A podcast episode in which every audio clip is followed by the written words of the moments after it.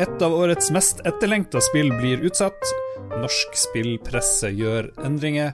Og PlayStation dropper for andre året på rad det som en gang var verdens viktigste spillmesse. Velkommen til Spillrevyen, en podkast som nå er på helt egen feed på iTunes og hit og dit og opp og ned. Og velkommen til Jon Cato, min gode venn. Hallo. Hallo, takk skal du ha, Lars. Siden vi kanskje når noen nye folk nå når vi har ny feed, skal vi friske opp minnet og fortelle nye lyttere hva vi egentlig holder på med. Har du noe bra pitch der? Eh, jeg kan pitche meg sjøl. Jo Cato heter jeg. Jeg har holdt på med spill siden jeg jobba på Akersmik i 90-tallet og kjøpte inn dataspill der.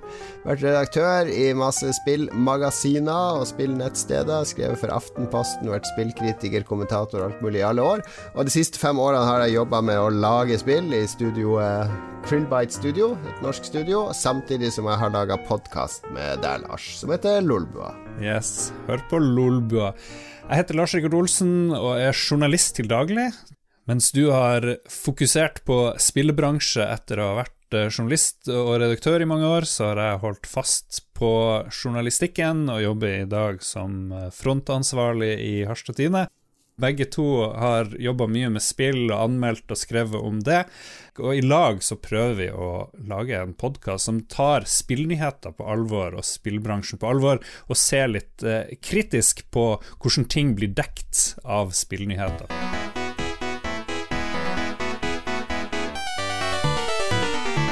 Første nyhet denne uka som vi skal se på, handler om at Eh, både Pressfire og gamer.no sier at de vil legge til rette for mer menings- og debattstoff på sine nettsider. Vi mener at det er for lite meningsstoff om dataspill, og vil tilrettelegge for mer slikt framover, sier Erik Fossum i Pressfire. Det er litt spennende at både Pressfire og gamer.no gjør nøyaktig det samme, nesten nøyaktig samme tid. Nesten som et uh, nyttårsforsett. ja, men hvorfor gjør de det her samtidig? Har vi noen teori på det? I, det er vel for å posisjonere seg som sånn ledende, et ledende medie for meningsbærende journalistikk om dataspill i Norge. Pressfire har vel fått støtte både fra Kulturrådet og Fritt Ord for, for den uh, jobben de gjør rundt uh, ja. spill journalistikk og kritisk blikk på spillbransjen. Så da må, må de vel tilrettelegge for det. Og så begynner det å bli en del stemmer rundt spill i Norge, fordi spill er jo ikke bare Altså det er jo ikke bare PlayStation og vi som lager spill og gir ut spill og, og spiller spill.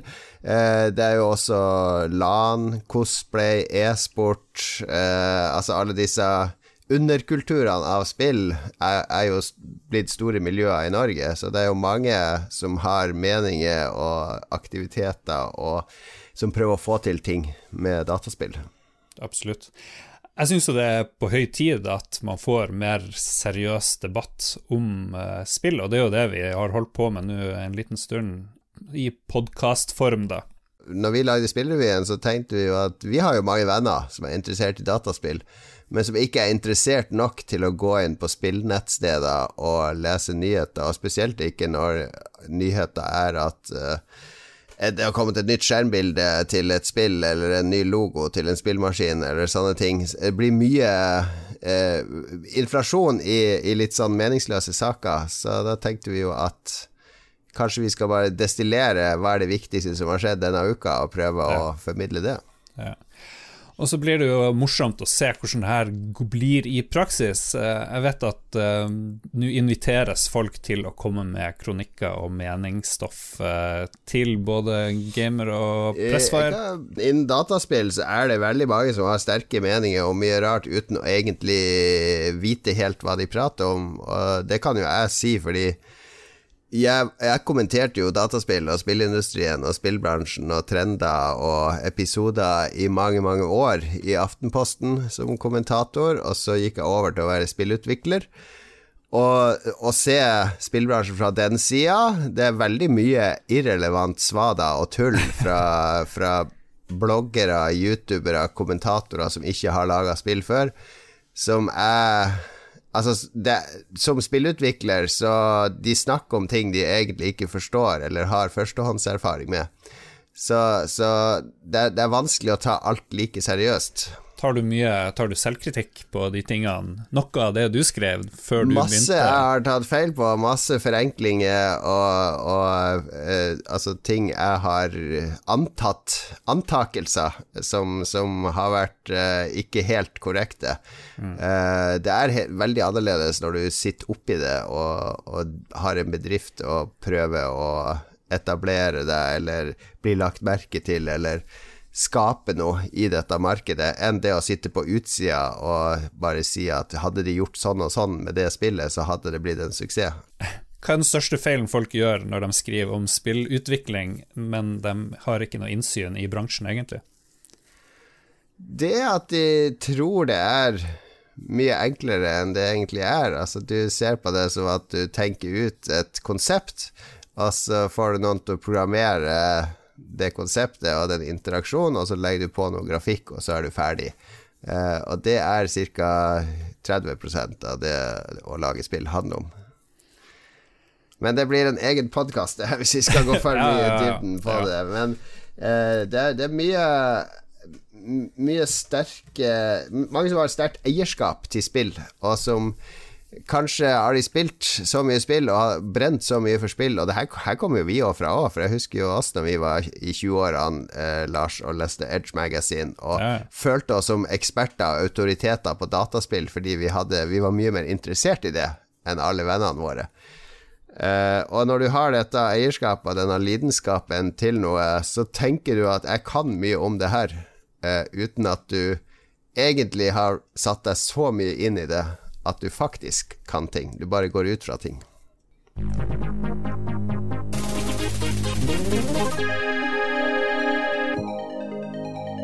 Et av årets mest etterlengta spill er Cyberpunk 2077. Det skulle egentlig komme i april i år, men så er det utsatt til september. Og Bak spillet så står eh, CD Project Red fra Polen, som er mest kjent for å ha gjort The Witcher-bøkene til veldig populære spill. Så forventningen er veldig, veldig stor fra mange. Og det kan man se i kommentarfeltene nå, når det ble kjent at eh, det tar ganske lang tid før det kommer. I, på gamer.no så sier en som heter Olaf, svarte fan! Noen av oss har faktisk allerede betalt over 3000 for det her spillet. og da regner jeg med det er noe sånn her dyr uh, samleboksgreier. Så der gjorde jo du den første feilen, Olaf, å kjøpe et spill til over 3000. Men uansett, uh, hvor, hvor, ofte er det vi ser at folk blir skikkelig sur og grinete når en film og bøker og musikk og sånne ting er utsatt? Jeg vet ikke, Det er kanskje fordi jeg følger mye mer med på spillpressen, men er folk så sure når, eh, når noe musikk blir utsatt, eller en bok blir utsatt? Nei, men en bok hyper du jo ikke opp i to år før lansering heller. Altså, for spill, og det, spesielt disse storspillene, så starter jo salget av spillet to år før spillet er ferdig. Da skal du begynne å vekke interessen og friste folk med konsepter og ideer og små trailere og, og bilder, som gjør at folk skal liksom sitte og og fantasere om hvor gøy dette kommer til å bli, og kjøpe det på forhånd når det blir tilgjengelig, og så kaste seg over det når spillet kommer. Så det er jo et, et biprodukt av at man At det er en sånn lang eh, innsalgsperiode for spill, der man skal skape forventninger jeg tenker de nye uh, Game of Thrones-bøkene er vel det eneste man kan sammenligne med der. Ja, Det er jo ikke mye annet i litteratur. Det er veldig få som går og teller ned til den nye Unni Lindell-boka kommer, f.eks. Men den kommer da når den er ferdig, og så slippes den, og så leser man den, og så er man fornøyd.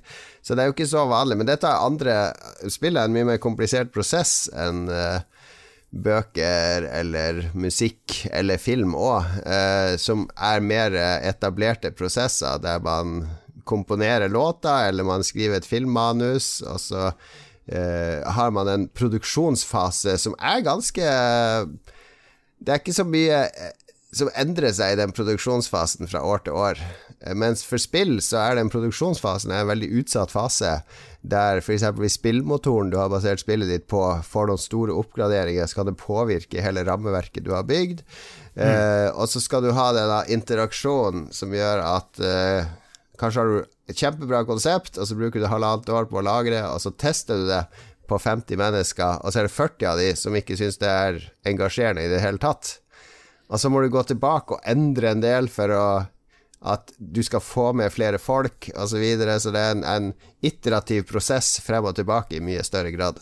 Det. Men det har jo vært mange andre utsettelser i det siste som har gjort dette her temaet aktuelt. Eh, The Avengers er utsatt, The Last of Us 2 skulle vel komme om ikke så lenge egentlig, men utsatt. Doom Eternal, Final Fantasy 7, det første kapitlet. Så det har vært en del utsettelser folk har ja. måttet tåle i det siste. Og eh, oppi det her så er det ikke så vanlig i spillpressen å sette fokus på eh, konsekvenser, det, men det er jo noe vi prøver å se på her i Spillrevyen. Og da ble jeg glad at jeg så det var veldig mye, mange saker om hva betyr det at et spill utsettes. Jo, en av følgene er at det blir mye mer eh, overtidsjobb og crunch, som det heter i spillbransjen, på de som jobber med det her. Og det, det hadde ikke jeg tenkt på egentlig før de skrev det, for jeg tenker Ok, et spill får et halvt år mer ut, uh, utviklingstid. Supert, da kan arbeiderne uh, chille litt og pusse og flikke ferdig det her spillet. Men visstnok, ifølge de som er kilder på innsida av de her studioene, så betyr det bare at de må jobbe enda mer og enda hardere, for nå kan de få inn enda flere ting i de her spillene her. Så uh, ja. det skal se brutalt ut å være spillutvikler til tider. Ja, det blir, altså det blir sånn på slutt. Selv det lille spillet vi lagde, Mosaikk, som er et ganske kort uh, spill på ja, rundt tre timer spilletid, pek og klikk-aktig, så i de siste seks månedene, når vi begynte å fokusere på å stabilisere det og fikse bugs Vi har jo det er over 1000 bugs som har vært i det spillet å fikse, så kan du tenke deg sjøl hvor mye bugs det er i et sånt stort spill som Cyberpunk. Mm. Eh, hvor du sikkert har flere hundre kritiske bugs, og så har du mange, mange hundre ikke-kritiske, men som er veldig ødeleggende for opplevelsen. Sånne ting tar ekstremt lang tid å fikse. Og, og, det er veldig vanskelig å forutsi hvor mye det skal være, spesielt fordi du også samtidig har sånn input fra testere på ting som ja. bør endres eller tweakes, eller uh, ja, rett og slett byttes ut med noe annet fordi det ikke funker så bra for spilleopplevelsen. Fordelen med dette er jo at et bra spill blir aldri utsatt. Altså Hvis et spill blir utsatt, så betyr det at det er rett og slett ikke så bra og så gøy og så, så stabilt som det burde være.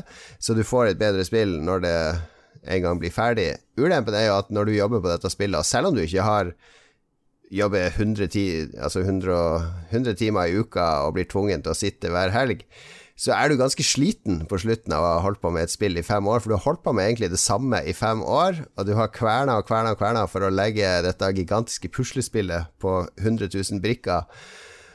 Og så finner du plutselig ut, når du tror at du begynner å nærme deg ferdig Nei, vent, der er det 10 000 brikker til som må på plass. Og selv om det selv om det ikke er overtid, så er det mentalt Så blir du enda mer sliten av å sitte i de samme, samme smørja som du har sittet i i så mange år og tror at du er ferdig om to måneder. Nei, vent, du må sitte seks måneder til. Nei, vent, du må sitte fire måneder til etter det. Bare det er nok til at, at du blir liksom deprimert og, og, sliten og mentalt utslitt. Uh, så jeg har all sympati med de som jobber med det, men det er, du har jo også en stolthet i det. ikke sant? Du vil jo også levere et best mulig produkt, så det, det er veldig vanskelig det der, spesielt for mindre studioer som som brenner seg ut på, på den greia her. Ja. Hvordan er tallene for folk som er syke og utbrent og sånt i spillbransjen? Er det gjort noe forskning på det kontra andre kreative næringer? Vet vi noe om det?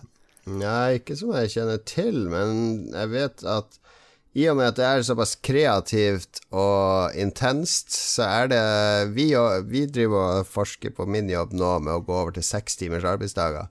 Fordi noen studier viser at i sånne type yrker der du programmerer og skal finne kreative tekniske løsninger hele tida, så hjernen har bare kapasitet på fem-seks timer før den går på tomgang, og da sitter du de to siste timene av dagen og egentlig ikke er produktiv og bare blir mer sliten.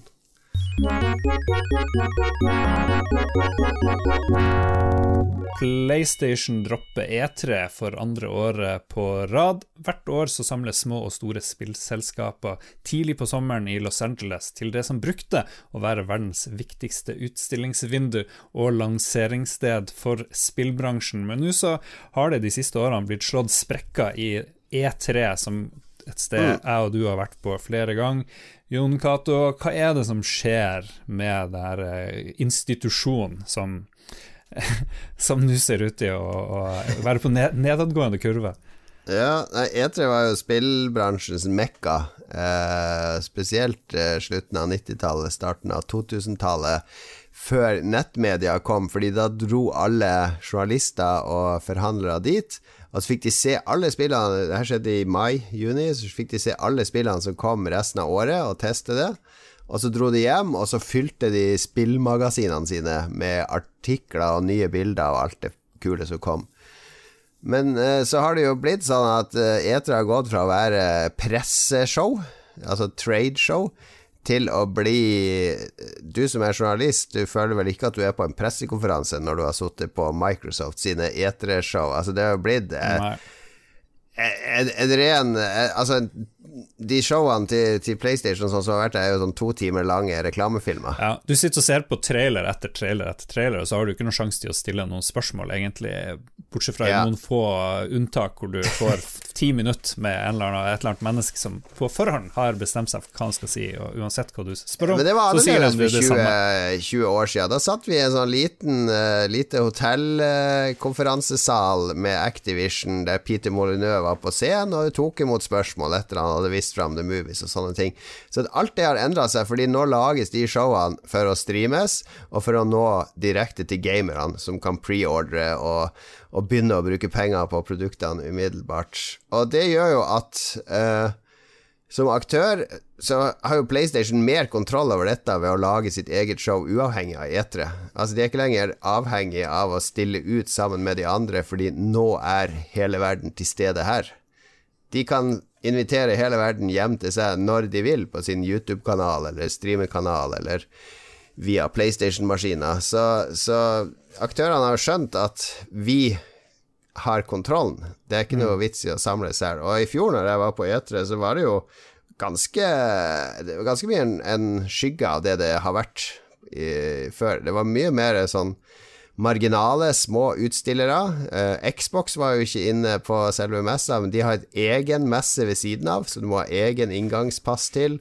Flere andre var liksom i periferien rundt messa med sine egne opplegg, så inne på selve messa var det jo nesten trist. Ja, men de er likevel rundt omkring, så det er en sånn kombo, en sånn litt sånn rar eh, miks der.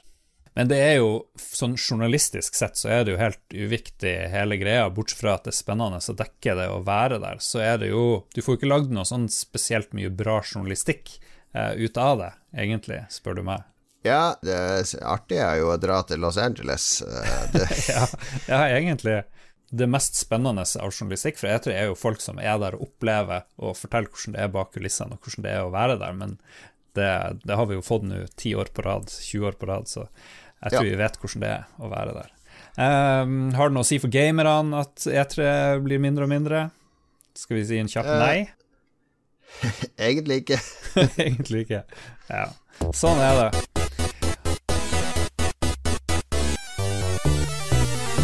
Vi er gått så vidt ett år siden Epic Game Store åpna i jeg tror det var 6. desember i fjor.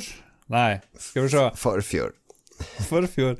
Men allerede så sier selskapet at de har 108 millioner kunder og har omsatt spill for 680 millioner dollar.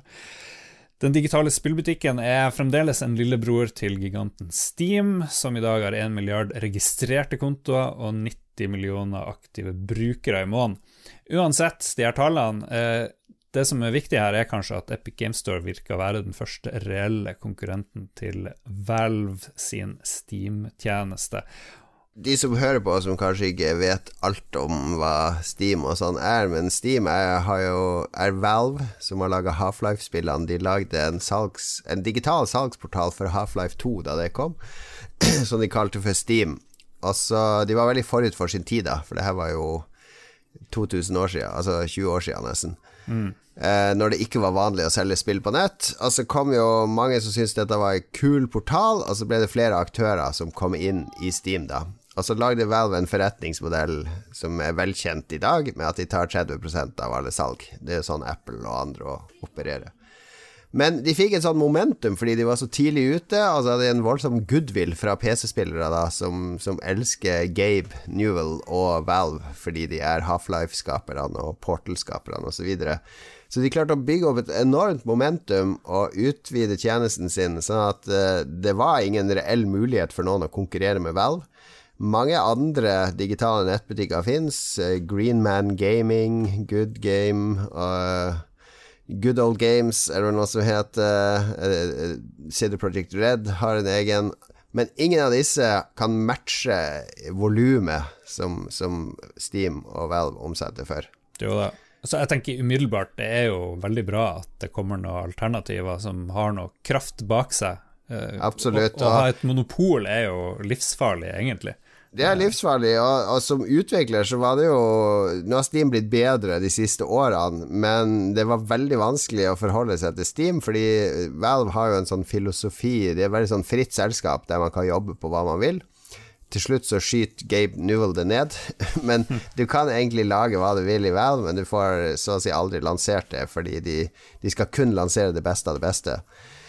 Så det sitter masse folk i Valve og jobber på forskjellige ting, og så sitter noen og jobber med Steam. Og det er ikke noe sånn profesjonelt apparat som drev Steam i gamle dager. Det var sånn at du måtte kjenne noen i Valve hvis du var utvikler og skulle Hei, kan vi få lov å ha spillet vårt på forsida litt? Spørre pent. Og hvis den personen likte deg, så kunne, kunne make or break, ikke sant? For du, du, som er journalist, du vet jo at en sak som er på forsida av nettavisen, den får klikk. En sak som ikke er på forsida, er det ingen som leser. Absolutt. Og det forklarer jo hvorfor det her monopolet er farlig. Fordi når du bare har én kanal, og det er veldig vanskelig å slippe gjennom der, så, så har ja. du et problem. Og det var, var ikke bra verken for utviklere eller spillere. Altså, de har gjort mye for å gjøre den butikken bedre, mange funksjoner. Men de har trengt en seriøs utfordrer, og de eneste som kunne utfordre de, var egentlig Epic Games. Fordi i kjølvannet av Fortnite-suksessen, som har generert så mye penger for Epic Games, så fant de ut at vi skal ta opp kampen. Og måten de har gjort det på, har jo blitt litt omdiskutert, for de har kjøpt eksklusiviteter til veldig mange PC-spill. Uh, veldig mange etterlengta PC-spill som Borderlands 3 og osv. har kun vært mulig å kjøpe på Epic Games sin store. Ja. Vi vet jo at uh, Tidal, som er en av de få konkurrentene til uh, Spotify, er jo norsk. Var norsk, i hvert fall. Uh, ja. Er det noen sjanse å få en norsk Steam Epic Game Store-konkurrent? Er det realistisk? Nei, realistisk? Pressfire forsøkte seg vel på en portal for norske spill. men den tror jeg falt gjennom ganske kjapt. Men jeg tror ikke det det, det skal så mye penger til for å ta opp konkurransen der. Og Grunnen til at Epic Gamestore har fått så mye brukere, er jo for det første at de gir bort gratis spill hele tida. Eh, de betaler masse penger for eh, attraktive spill som blir gitt bort, mm. og at de har disse eksklusivitetene. I tillegg, som utvikler, altså fra den sida, så er det veldig attraktivt med Epic Game Store, fordi de tilbyr en sånn uh, salgsgaranti. Det gjør ikke Steam. Så Epic kan si at hvis du går eksklusivt hos oss, så garanterer vi eh, inntekter fra salg av så og så mange hundre tusen eksemplarer. Så skulle spillet ditt floppe og ikke selge så mye, så betaler Epic det uansett tilsvarende penger. Så for utviklere så har Epic Games Store vært eh, kjempebra. Ja, men det her kommer jo til å gå over en gang, for Epic Game Store gjør jo det her for å posisjonere seg, og fordi de har ubegrensa mengder penger fordi de har ja. eid eh, det her Fortnite-hysteriet. Absolutt.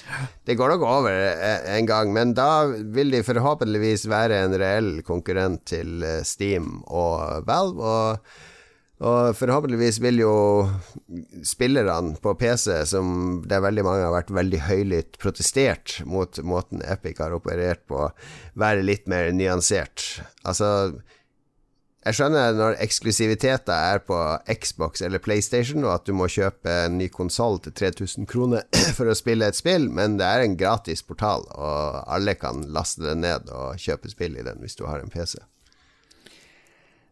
Hver uke så går vi også gjennom spillene som har blitt lansert i uka som gikk. Denne gangen så er det to spill. Vi er fremdeles i starten av året, og det kommer absolutt ingenting, men nå har det liksom begynt å løsne litt. Eh, Dragon Ball Z Kakarot og Tokyo Mirage Session FE Encore. Det er jo japanske seriespill, dette, men Tokyo Mirage Sessions er vel en re-release, eller en remake, av et uh, eh, VU-rollespill i stil med Final Fantasy og sånne ting. Jeg tror jeg spilte det i sin tid, men uh, det er ikke det er, det er, litt sånn stille nå. Og med alle disse utsettelsene så er det ganske sånn stille vinter-vår. Jeg la merke til Stian Blipp fra Nerdelandslaget-podkasten skrev 'Hva i all verden skal han spille i vinter?' For nå er liksom mm. alt blitt utsatt. Ja. To spill kom denne uka. Neste uke så ser jeg på lista at det kommer mer, men det snakker vi om syv dager, og da er vi tilbake.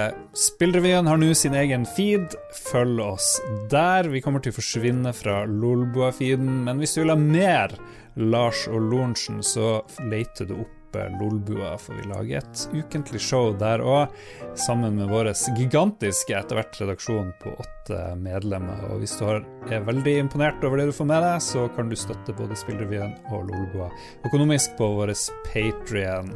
Søk oss opp, og du finner masse kule ting du kan få tilbake der. Ha det bra. Ha det bra.